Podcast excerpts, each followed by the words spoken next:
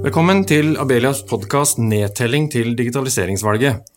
Mitt navn er Nils Ola Vidme, er næringspolitisk direktør i Abelia. Og i en podkastserie nå fram mot valget skal vi møte sentrale norske politikere til samtaler der vi kommer tett inn på en skjult skatt i norsk politikk digitalisering og teknologi. Det oss i Abelia er opptatt av, er jo at teknologi er en økonomisk driver i seg sjøl, som både former jobber, fjerner jobber, skaper nye jobber. Bidrar til å endre hjemmene våre og livene våre. Men det vi eh, er kanskje mest opptatt av i denne sammenhengen, det er å se hvordan teknologi og digitalisering også bidrar til å løse mange av problemene som samfunnet vårt står overfor. Klimakrise, eldrebølge, kompetansegap, fallende oljeinntekter, de store utfordringene for samfunnet. Hvordan kan teknologi og digitalisering bidra til å løse disse problemene? Eh, med meg i denne episoden så har jeg med meg stortingsrepresentant Masud Gharahkhani fra Arbeiderpartiet. Velkommen. Tusen takk.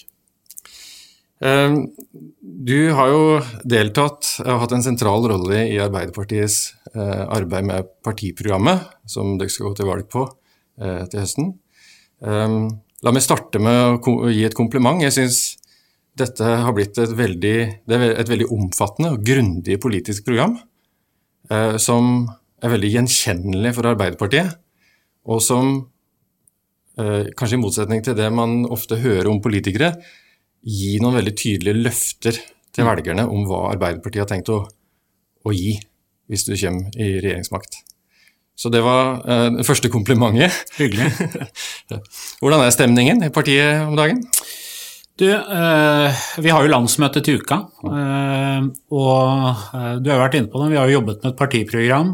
og samtidig som vi nå vi skal diskutere digitalisering, som er et tema som engasjerer meg, og som du er inne på, som har fått stor oppmerksomhet i partiprogrammet vårt. Så, så er det stortingsmøte nå eh, som handler om liksom, gjenåpningsplanen for Norge. Så er det, jo, det er jo krevende tider. Eh, og det vi har jobbet med i Arbeiderpartiet, er jo både å forene liksom det som gjør at vi klarer oss mye bedre enn mange andre land uh, gjennom denne pandemien. Uh, og med all beskjedenhet så mener jeg at det handler veldig mye om den sosialdemokratiske samfunnsmodellen vi har. Jo, men ikke sant, At vi har en sterk velferdsstat som kan stille opp for oss, uavhengig av om vi bor i byen eller på bygda. Uh, men ikke minst også at du må ha dette samspillet mellom næringsliv og staten for å kunne redde arbeidsplasser og bidra til nye arbeidsplasser. Mm.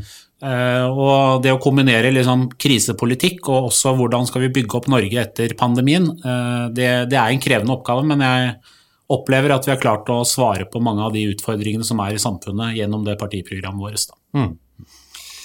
Og eh, Du har jo eh, bakgrunn fra helsevesenet selv. Du er en av de politikerne som i motsetning til det mange tror, særlig de av oss som er fra næringslivet, eh, som faktisk har eh, yrkeserfaring fra, fra, helsevesenet, har du ikke det? Jo, det har jeg. Jeg er jo utdanna radiograf. Eh, og når jeg var utdanna radiograf, så var det en periode hvor man utdanna så mange radiografer.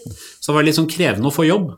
Men da begynte jeg på Rjukan sykehus eh, først. Lite lokalsykehus. Eh, det er jo dessverre nå lagt ned, da. Men eh, jeg begynte der, og etter hvert så kom jeg til eh, Kongsberg sykehus eh, før politikken tok meg, da. Mm.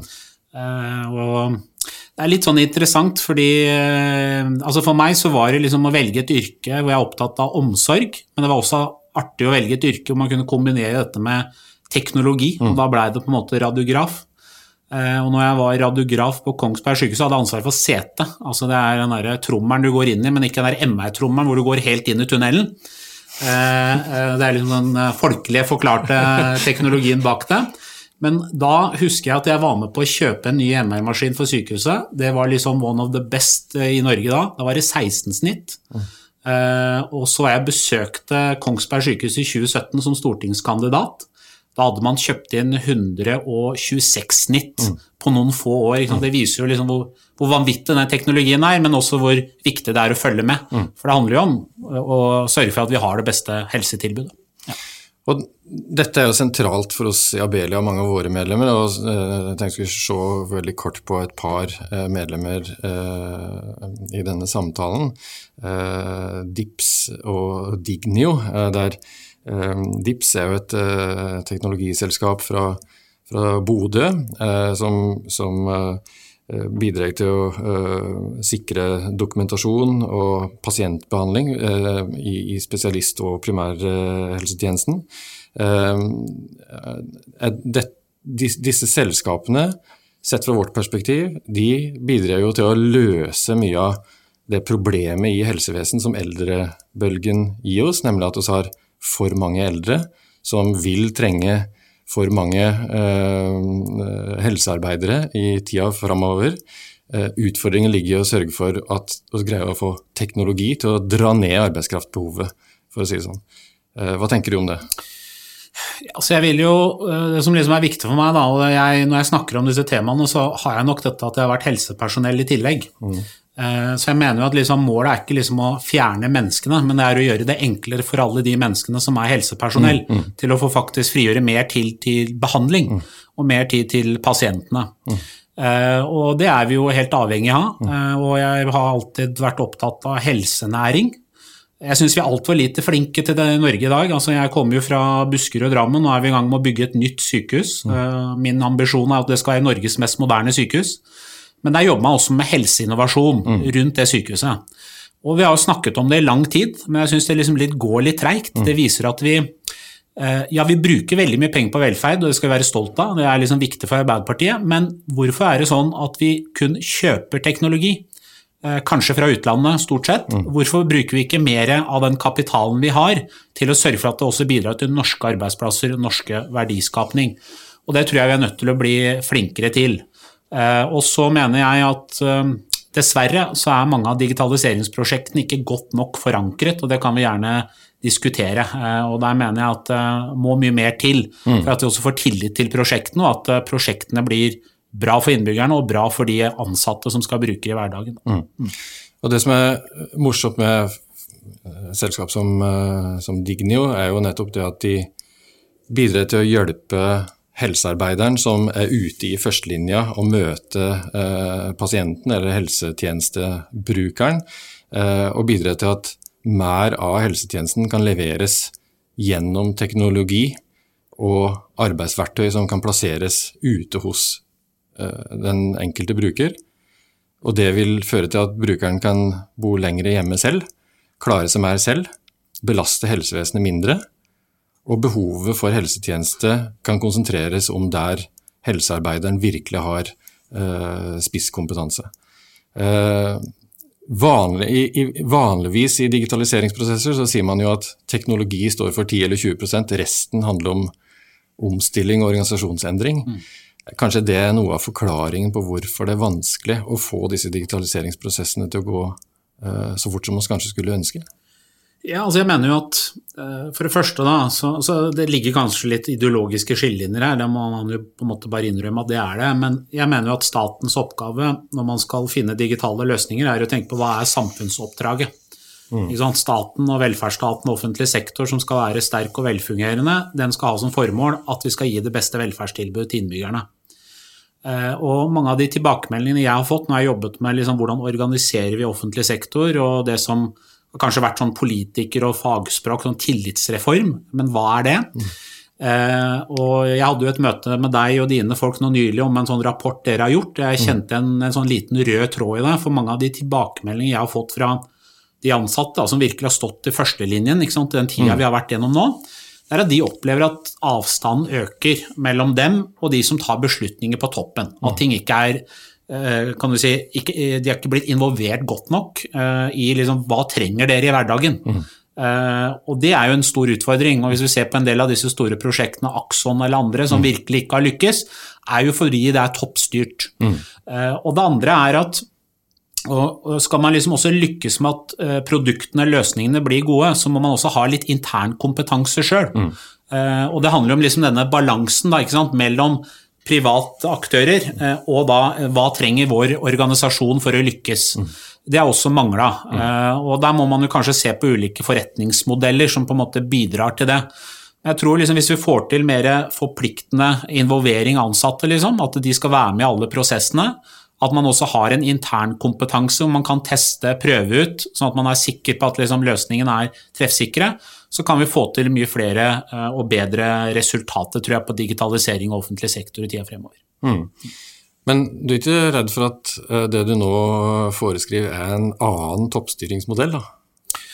Nei, jeg tror liksom eh, altså Mange av de prosjektene, enten man har sett liksom Vismine School, eh, politiets etterretningsverktøy eh, og, og Akson, så er liksom tilbakemeldinga at de folka som skal bruke det i førstelinjen, opplever at det er mer liksom, byråkrati. Mm.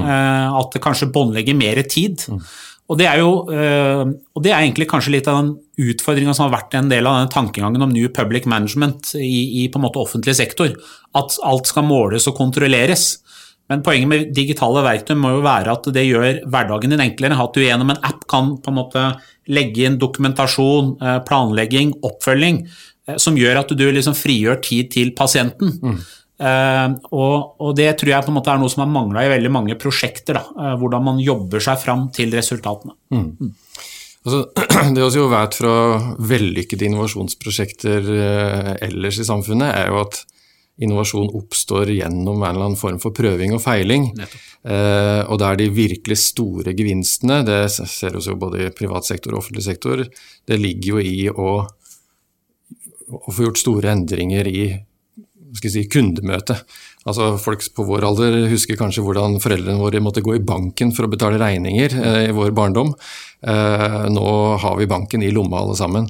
Eh, helsevesenet er en arbeidskraftintensiv eh, tjeneste, det vil det alltid være. Men eh, desto mer man greier å få gjort kundemøte, og det er kanskje feil ord å bruke, men likevel, eh, møte mellom behandler og pasient til å Eh, handler mest mulig om selve helsetjenesten, minst mulig om rapportering, kartlegging, eh, måling. Og få gjort eh, det automatisert så, mye som mulig. Der skulle jeg tro at noe, noe nøkkelen vil ligge. Absolutt, og jeg tror dette kommer til å være veldig viktig. og det er jo så, nå er det jo veldig sånn politikerord, men ser vi på perspektivmeldingen, da, så er det ingen tvil om det at eh, det vil koste å mm. finansiere en, eh, en velferdsstat. Og det mener jeg er viktig. Altså, vi har alle sett hvor viktig velferdsstaten er for oss. Mm. Og Da må vi også tenke hvordan bruker vi fellesskapets penger da, mm. på nettopp sørge for at de prosjektene man kommer fram til vil funke i hverdagen for meg som innbygger. Det forventer vi altså i den mm. tida vi er i nå. Jeg tror også at etter korona, da, mm. hvor alle har blitt enda mer vant med teknologi i den digitale hverdagen, så kommer vi til å forvente mer. Men samtidig så mener jeg at vi har jo lykkes på mange områder. Jeg mener liksom I disse tider så får jo alle vi skattemeldingen tikkende inn. Mm. Uh, I enkelte land i Europa så må du fortsatt møte opp fysisk på et kontor og levere din. Det er egentlig veldig rart, men sånn er det. Uh, og ser vi liksom på skatteetaten Altinn, hvordan det har funka f.eks. i kompensasjon til bedrifter i den tida. Det, vi har kommet til front på mange områder, men, men jeg føler jo at det temaet kanskje vi diskuterer på helse, som også naturlig nok er et område hvor det er store penger i bruk, mm. Eh, og mange ansatte, eh, og kanskje også en organisering av hvordan hele helsevesenet er, som har gjort at kanskje prosjektene ikke har vært gode nok treffsikre da, mm. og levert de resultatene man bør, med tanke på hva slags summer man har brukt. Men um, det du peker på er jo en, kanskje en litt sånn organisasjonskulturutfordring mer enn en teknologiutfordring? Ja, altså jeg mener at uh, man må jo tenke helt nytt på hvordan man jobber med prosesser. Mm. Uh, og uh, la oss si man skal finne en ny digital løsning. Jeg tror det å tro liksom one size fits all, sånn, sånn er det ofte ikke. Nå skal ikke vi bruke veldig mye tid på Akson, men kanskje Akson er jo et eksempel på det. At det er ikke sånn resultatene kommer inn når man tenker altfor stort. Mm. Og det andre er at man må begynne å spørre de man skal lage et verktøy for, hva trenger du i hverdagen. Jeg husker jeg var og besøkte eh, en venn av meg som heter Steinar Evensen, som driver Connexus i Drammen. Han er jo veldig i front på det som handler om ulike kvalitetsindikatorer mm. for utdanning. Mm. Ikke bare i Norge, men også i Singapore og i utlandet. Eh, han fortalte meg at jeg får utrolig mange mennesker fra byråkratiet inn her eh, som skal ha et eller annet verktøy, og så spør jeg meg hva skal du bruke det til? Og da er svaret nei, jeg skal prøve å måle meg sjøl opp mot noen andre. Ja, men hva vil det hjelpe de elevene dine? Er ikke det bedre å liksom lage verktøy som vil faktisk si noe om liksom fremdriften, og hvordan liksom er resultatene for de elevene eh, på sikt? Eh, og jeg tror liksom det er denne med involvering av ansatte i prosjektene, eh, og ikke minst også se på ulike forretningsmodeller som nettopp gjør at man kan teste. Eh, og prøve ut, sånn at man er treffsikker. Og da er kanskje den modellen man har hatt i offentlig sektor på sånn bestiller-utfører-modeller, mm. det er veldig lite hensiktsmessig. Og da må du ha litt Du må ha egen kompetanse sjøl i offentlig sektor.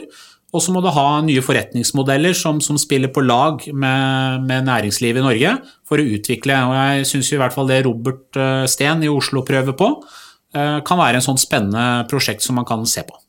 Du er ikke redd for at man ender opp med at eh, det offentlige plukker, plukker bedrifter som det offentlige liker, og så går det galt etterpå? Den klassiske kritikken du, mot offentlig sektor er at den er dårlig til å dårlig til å plukke vinnere? Altså jeg tror en av de store utfordringene i hvert fall jeg har fått tilbakemeldinger eh, fra, og det gjelder også sikkert mange av de bedriftene dere mm. organiserer, er at man syns det er utrolig vanskelig, er en sånn liten teknologi- eller gründerbedrift, å faktisk prøve å finne en mm. løsning for min kommune. Mm. Fordi jeg kjenner mine innbyggere, jeg kjenner mange av de ansatte her, og jeg har snakka med dem. Men også prøver jeg å komme i kontakt med liksom hvordan kan vi utvikle noe, så er det vanskelig. Fordi man ikke har den kompetansen sjøl, mm. som gjør ofte at du velger de store, de multinasjonale. Eh, og da er vi litt inne på det, eh, mm. som jeg sier, at vi må også tenke norske arbeidsplasser og norsk verdiskapning. Eh, og det må også være en del av dette bildet. Mm. Ja, dette er jeg også veldig enig i, Abelia må understreke. og Jeg syns jo diskusjonen rundt både det du nevner med bestiller-utfører, som jo er i sin natur eh, et opplegg for å interagere mellom offentlig og privat sektor, der offentlig sektor per definisjon bestiller gårsdagens løsninger. Eh, mens næringslivet veldig ofte har lyst til å tilby morgendagens løsninger, mm. eh, og ønske å delta i en innovativ prosess der det næringslivet har skapt, blir testa ut. Man avdekker svakheter, man gjør forbedringer, man finner fram til de gode løsningene Eh, i et, i et uh, positivt samspill. Um, mens man ofte blir låst til disse prosessene som handler om anskaffelser og den type ting, som gjør at man, man ikke får til denne innovasjonsprosessen. Um, og jeg syns jo også den, det er veldig interessant dette kritikken da, som jeg nettopp gjenga. Um, mot at staten plukker, er dårlig til å plukke, plukke, vinnere. Eh, det man er redd for, er jo at eh, det er taperne som skal plukke staten. Altså sta, eh, Taperne skal gå til staten for å få beskyttelse. Og så burde de ikke være like redde kanskje for at staten tester ut de nye eh, framtidige vinnerne. Absolutt. Og jeg Ikke sant. Det er jo sånn da når vi snakker om velferdstilbud og velferdsstaten, så, så er det jo ideologiske skillelinjer. ikke sant? Mm. Og hadde vi hatt et annet tema, hadde jeg hatt en annen branch av NHO her i dag, så hadde vi sikkert vært veldig uenige på uh, om man skal ha private kommersielle inn i omsorgstjenesten eller ikke. Mm. Uh, men hvis vi diskuterer digitalisering, så må det alltid være et samspill uh, med næringslivet for å på en måte lykkes. Eh, og her synes jeg i hvert fall Hilde Nagel i Agenda, som jeg har hatt mye kontakt med, eh, som snakker om dette med tillitsbasert digitalisering og hvordan styrer vi prosessene. og det er jo jeg tror jeg her er egentlig Abelia og, eh, og, vi enige om veldig mye. Altså dette med involvering, at man må ha liksom en form for intern kompetanse. Eh, prøve å eh, gjøre en vask da, som gjør det mulig liksom, gjennom lovverket til å ha andre modeller enn bestiller-utfører-modeller for å nettopp kunne lykkes. Mm. Eh, og ikke minst ikke sant, for Arbeiderpartiet så har vi en ambisjon om at vi ønsker 50% økning i eksport. At man er liksom olje og gass mm, utenfor. Mm, ja. Uh, og det er viktig. Uh, og da er jeg litt inne på det tidligere i vår samtale, at vi, vi, kan jo ikke bare være de som kjøper, vi må også være de som utvikler og eksporterer. Uh, og, og, vi har hodene. Altså, jeg kommer fra valgkrets Buskerud, uh, og jeg ser hvordan Kongsberg-industrien nå blør. Uh, som er en industrimiljø i verdensfront på sikkerhet, på digitale løsninger. Mm. og gjennom den omstillingsfasen så må vi bruke den kompetansen, at ikke den bare går vekk. Til å nettopp kapre nye områder vi kan eksportere og bygge nye industrimiljøer ut av. Og Her er vi også inne på noe som for oss i Abelia er veldig sentralt. Det er at det er en sammenheng her mellom næringspolitikk, hvordan utvikle de inntektene som skal leve av framover, og eh, velferdsstatens utfordringer. Absolutt. Eh, vi kunne brakt inn klimautfordringer og alle andre også, men eh, i vår samtale nå er det velferdsstaten også opptatt av. Um, og, og, der er jo det er veldig lett for oss å være enige om at ja, selvfølgelig må det offentlige ha nok intern kompetanse til å kunne gjøre, gjøre gode valg selv, for å få til denne positive uh, innovasjonsloopen. Uh, men det også er litt redde for, det er jo at man med, nærmest går inn med en ideologisk føring om at vi skal bygge mest mulig kompetanse internt. Vi skal nettopp ikke bruke ekstern kompetanse. Um, hva, hva sier du til det? Altså, uh, igjen så er det nok Ja, det er litt ideologiske forskjeller i det. Mm. Uh, jeg mener at offentlig sektor skal bygge opp mye mer intern kompetanse.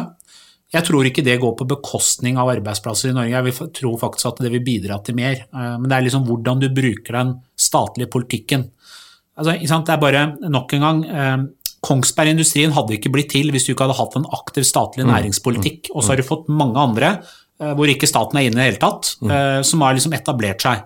Sånn må vi på en måte tenke. Eh, men det som også er viktig for offentlig sektor, er jo å sørge for at penger som man bruker av dine skattebetalere, våre oljeinntekter, faktisk går til velferd. Og dessverre så har vi jo mange prosjekter som ikke har bidratt til det, og det må måtte ryddes opp. Og jeg tror at offentlig sektor trenger å bygge opp mye mer kompetanse for å nettopp også sørge for at små og mellomstore bedrifter kan slippe til, Eh, og finne gode løsninger, eh, og ikke minst også at resultatene blir bedre. Jeg er litt redd for at eh, altså, Jeg kan være enig i veldig mye, og enig i også mye av historiebeskrivelsen her. Det er jo et samspill mellom offentlig og privat sektor mm. som står bak veldig mye av de store innovasjonsgevinstene vi har sett i norsk, og i og for seg også global, globalt næringsliv.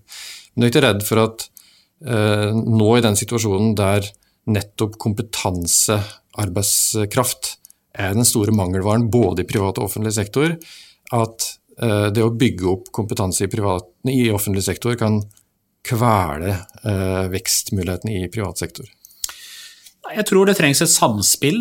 Altså, eh, jeg sier jo at det er veldig interessant å uh, ha møte med veldig mye av næringslivet nå. og Eh, ofte er jo diskusjonen om sånn formuesbeskatningsdebatter. Mm. Men mange av de møtene jeg har hatt med næringslivet, og det er ikke fordi jeg er arbeiderpartimann, eh, det har vært alle andre partier der, men det er ingen som liksom har tatt opp formuesbeskatning som hovedsak. Det alle har tatt opp egentlig det du er inne på, altså mm. kompetanse. Mm. Og at nå må liksom staten stille opp sammen med oss for å liksom redde de arbeidsplassene vi har, men også det å se på hvor er vi har strategiske muligheter i tida fremover for å kapre nye arbeidsplasser. Og jeg mener at det er mulig å oppnå begge deler, da. Mm. Eh, og det er dette samspillet eh, som er viktig. Og alt som har med digitalisering å gjøre, har vi enormt potensial. Eh, og jeg merker jo ofte at når man liksom diskuterer ulike digitale løsninger, og, og, man ofte i offentlig sektor faller på de aller store, som er de internasjonale, nå skal ikke jeg nevne noen navn, så er det ofte sånn at det handler om sikkerhet. Og da velger vi de. Mm. Eh, men med liksom all beskjedenhet. Eh, det er jo enkelte områder i Kongsberg-industrien jeg ikke kommer inn på engang, fordi det er så veldig mye sikkerhet rundt det man lager f.eks. innenfor forsvarsindustrien. Så det å si at vi ikke har den kompetansemiljøet i Norge, det er feil. Eh, og jeg tror liksom i den tida vi er i, spesielt når det kommer til å bli veldig mye omstilling på mange områder, er liksom hvordan utnytter vi det? til å nettopp kunne skape nye arbeidsplasser. Mm.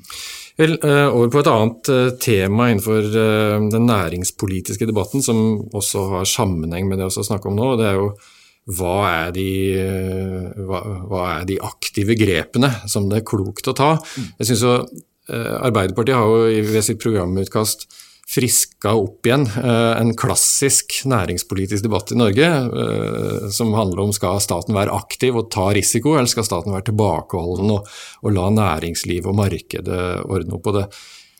Klassiske skillelinjen, høyresida har, har uh, tatt til orde for det siste, mens Arbeiderpartiet har markert seg som tilhenger av det første. Et av grepene som dere bruker en del plass på i partiprogrammet, er å bruke statlig eierskap. Og, og det vises til oljeeventyret, der staten jo var inne som eier både av ressursene under bakken og, og av et av de store selskapene som etablerte seg på norsk sokkel, og alle er enige om at dette var veldig vellykka. Men hvordan skal man bruke eierskap for å få til denne innovasjonen og omstillingen som vi skal snakke om her i dag? Nei, Det er jo uh, til Arbeiderpartiets politikk. da. Sosialdemokratiet handler jo også om planøkonomi. og det er at du må ha en aktiv stat som spiller på lag med næringslivet. Og jeg mener jo at liksom, formålet vårt er jo ikke at vi skal ta over næringslivet. Vi, altså alle skjønner jo det at skal vi ha en sterk offentlig sektor, så må vi også ha inntekter. Og alle vet at uh, oljeinntekter og kun tenke på det i tida fremover, det, det, går ikke. Vi ser jo alt avkastning, og det er på en måte store inntektene vil komme, er jo på liksom alternative energikilder. Eh, så eh, eh, det å ha en stat som er aktivt til stede, spiller på lag med næringslivet når jeg beklager, altså jeg bruker Kongsberg veldig mye, men jeg har jo mye møter med de, men, men Kongsberg-industrien er jo ikke bare Kongsberg. det er liksom, Alle har hørt om de. Og det de ønsker nå, det er jo denne 4.0-satsingen. 4.0 digitaliseringsstrategien. Eh, og det de sier, det er at kan staten bidra til at vi opprettholder den kompetansen? Istedenfor at folk går arbeidsledige mm. eller er permitterte, er det ikke bedre å se på ordninger som gjør at vi kan beholde de i arbeid, sette i gang nye prosjekter. Enten det handler om autonomi, mm. eller det handler om liksom hvordan kan disse systemene og det næringslivet vi har nå, snakke sammen, gjøre enklere. Det er viktig. Eh, eh, jeg tror veldig mye på energi har vi på en måte stort potensial i. Og jeg tror dette som går på helsenæring. Eh, og jeg eh, har jo liksom utdanning fra, som radiograf, men jeg husker også at jeg har vært kommunepolitiker i Drammen. Eh, og vært på mange foredrag, og i Drammen så har vi satsa veldig mye på velferdsteknologi på veldig tidlig tidspunkt. Mm. Og da husker jeg man snakket om at Norge lå jo ja, for mange mange år siden på topp liksom, i å kjøpe velferdsteknologi. Mm. Men vi lå veldig i bunnen når det kom til å utvikle. Og der mener jeg at vi har et stort potensial. Og Der kan staten bidra, eh, gjennom at mange av de prosjektene det kan skapes rundt. Er jo selvfølgelig når du skal bygge et nytt sykehus til 11 milliarder kroner, så kan du gjennom innkjøpsmakt og ikke minst liksom dra aktørene, forskermiljø, akademia, næringslivet sammen på liksom hva gjør vi rundt disse rammene her, for å på en måte kapre mer eksport i tiden fremover. Det, det må man se på gjennom bransje for bransje. Og her må man jo ha tett dialog. Dette handler om den norske modellen. Altså Det er ikke sånn at uh, staten og en statsråd alene kan sitte der. Uh, man må ha tett kontakt med dere og næringslivet. Hvor er de strategiske områdene? Mm. Vi på en måte viser jo noen, uh, noen områder på maritim sektor, på hydrogen, på helsenæring, men det er mange andre områder der som det går an å utnytte. Og Dette er vi jo enig i, men du er jo sjøl inne på det. Man har jo en planøkonomisk bakgrunn eh, historisk i Arbeiderpartiet. Eh, og så er jeg jo bekymra for at dialog blir en dialog mellom de etablerte, der de nye utfordrerne, de som kanskje vil ta bort markedet til de etablerte, ikke blir invitert. Um, og diskusjonen rundt statlig eierskap preges jo kanskje av noen historiske eksempler der statlig eierskap har blitt brukt Nettopp for å beskytte taperne istedenfor å fremme vinnerne. Ehm, så ja, jeg utfordrer jo, jo, litt på dette. Jo, det er en veldig eh, viktig problemstilling du tar opp. og jeg mener at eh, Ser du på en del av disse store, store, tunge industrimiljøene i Norge, så har man jo kanskje også lykkes med å få en del satellitter rundt det. da. Hvor man mm. slipper til kanskje de ikke etablerte. Mm. Og det mener jeg også må være en del av det. Uh, og jeg Ofte diskuterer man jo distriktspolitikk. Uh, og jeg har jo fått mange eksempler på det. Mennesker som har studert i Oslo, er kjempeflinke på å utvikle nye digitale løsninger. Har lyst til å flytte hjem til bygda, etablere noe nytt, kanskje i samarbeid med offentlig sektor, men det er utrolig vanskelig å slippe til. Hvordan kan vi bidra til det? Mm. Uh, og det er jo disse tingene vi må ha tett samarbeid om da, i tiden fremover. Og da er jo svaret til oss i eh, Abelia digital infrastruktur vil oppheve avstandsulempen med å starte bedrift i distriktene. Tilgang på kompetanse, helt avgjørende både i by og i distrikt. Ehm, og Derfor er vi opptatt av eh, at kompetansepolitikk må være en integrert del både av politikken for å utvikle eh, velferdsstaten og næringspolitikken framover. Vel, Vi oss begynne å nærme oss slutten for denne samtalen. Uh, det var veldig hyggelig å treffe deg, Masud. Du, er jo du presenterer jo veldig mange perspektiver. Jeg prøver å påpeke noen dilemmaer. Jeg tenker vi kommer til å få tid til å diskutere dette mye framover. Lykke til med landsmøtet. Takk. Jeg er som sagt spent på Eh, hva er det som egentlig menes med at staten skal være eh, mer aktiv? Eh, vil det bli disse positive innovasjons tendensene som oss, som oss i Abelia er opptatt av, som du snakker om her nå, eller vil det være den klassiske staten begrense, staten plukke tapere istedenfor å fremme vinnere? Vi håper på det beste. Det gjør vi, og jeg i hvert fall vår intensjon er at vi må liksom lykkes, må være i front i Norge på digitalisering. Og det mener jeg at vi har allerede kompetansemiljøene, akademia og, og ikke minst så er jo det flotte i Norge at man har et tett samarbeid mellom næringslivet og, og det offentlige uh, på løsningene, og det ser jeg fram til å ha videre med dere. Veldig bra. Takk for at du kom og besøkte oss.